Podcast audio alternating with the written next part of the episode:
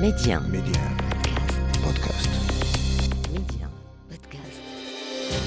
لنبدأ من حيث توقفنا مع الشخصيات الفلسطينية التي عرفتها والتقيت بها وربطتني بها علاقات واتصالات خلال مساري المهني شخصيات طبعت النضال الفلسطيني والساحة الفلسطينية وكانت حاضرة فيها بسام أبو شريف تعرفت عليه بعد أن أصبح مستشارا للرئيس الراحل ياسر عرفات لكنني كنت أعرفه عن بعد من خلال مساره السياسي والإعلامي والإبداعي وأي مسار.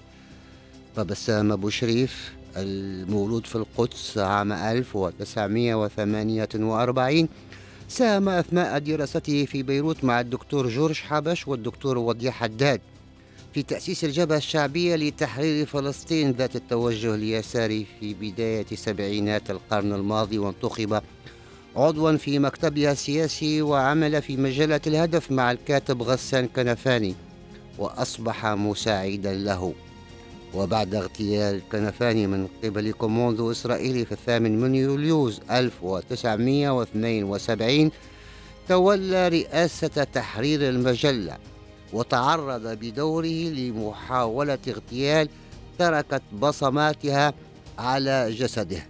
فقد استغل الموساد شغفه بالكتب وقام في الخامس والعشرين من يوليوز 1972 في اليوم الذي تولى فيه رئاسة تحرير المجلة بإرسال كتاب ملغوم إليه. في تلك الفترة انتشرت تقنية الخطابات والطرود الملغومة في العالم وكانت تعبر بسهولة أجهزة الرصد.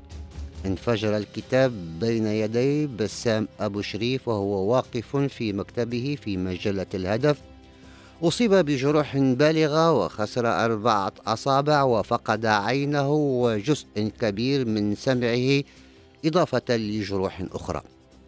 بعد تمثله للشفاء وصل عمله كرئيس تحرير مجلة الهدف ومسؤول الإعلام في الجبهة الشعبية لتحرير فلسطين وانتخب مسؤول العلاقات الخارجية في اتحاد الكتاب.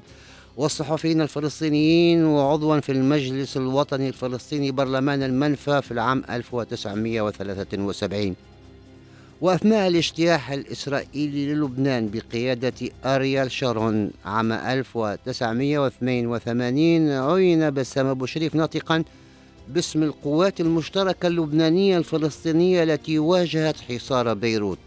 خرج من بيروت مع كافة القيادات والمقاتلين الفلسطينيين وعلى رأسهم ياسر عرفات الذي توجه إلى تونس حيث استقرت القيادة الفلسطينية في حين تمركز بسام في دمشق وبسبب خلافه السياسي مع قيادة الجبهة الشعبية لتحرير فلسطين حول النظرة الاستراتيجية المستقبلية قدم استقالته من الجبهة وتوجه إلى الجزائر التي بقي فيها بضعة أشهر ثم التحق برئيس ياسر عرفات في تونس كمستشار خاص له ولعب دورا سياسيا هاما وأساسيا منذ العام 1987 وحتى مباحثات أوسلو التي لم يشارك فيها بأي شكل من الأشكال بالرغم من أنه كان من مهندسي مؤتمر مدريد للسلام بعد أن أطلق وثيقته الشهيرة بوثيقة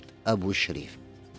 منذ تلك الفترة تعددت الاتصالات مع بسام رفقة الزميل الصديق الراحل سعيد بن صغير وكان يضعنا في الصورة ويشرح من المواقف ما يجب شرحها وتوضيحها ومنها ما كان لنا السبق في متابعته وثيقة أبو شريف حول السلام التي طرحت لأول مرة حل الدولتين وسند المجلس الوطني الفلسطيني إليها لتعديل برنامجه السياسي وتمكين ياسر عرفات من إطلاق مبادرته للسلام في خطابه التاريخي أمام الجمعية العامة للأمم المتحدة في الثامن عشر من ديسمبر 1988 بعد قيامه بصياغة هذه الوثيقة عرضها على عرفات الذي وافق عليها وصرح له بنشرها لكن دون أن يوضع اسمه عليها.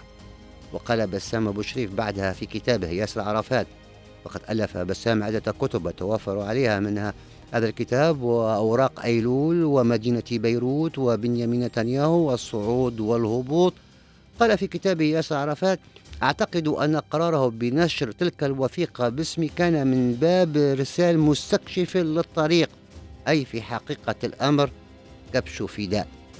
ولذلك رفض الاطلاع على الوثيقة أو قراءتها ذلك أنه في حال حدوث ردود فعل سلبية على أفكارها ومضامينها سيكون صادقا إذا قال أنا لم أطلع عليها ولم أقرأها. وهي وجهة نظر لصاحبها وهذه إحدى مميزات الشخصية العملاقة. فعندما يصل إلى نتائج تدل على أن بعض المواقف قد تثير جدلا واسعا وضجة كبيرة يبتعد هو ويطلق ما هو مقتنع به عبر شخص آخر. فإذا نالت الأفكار نجاحا فالنجاح له. وإذا لم تنل فالخسارة للشخص. البعض يسمي هذا الجانب من شخصية ياسر عرفات إطلاق بالونات اختبار والبعض يسمي ذلك إطلاق السمكة الكشافة التي تكشف الطريق لسرب السمك. استغل بسبب شريف اجتماع القمة العربية المنعقدة في الجزائر في يونيو 1988 وهي القمة التي تطرقنا في حلقات سابقة إلى ما حصل فيها من جانب ياسر عرفات.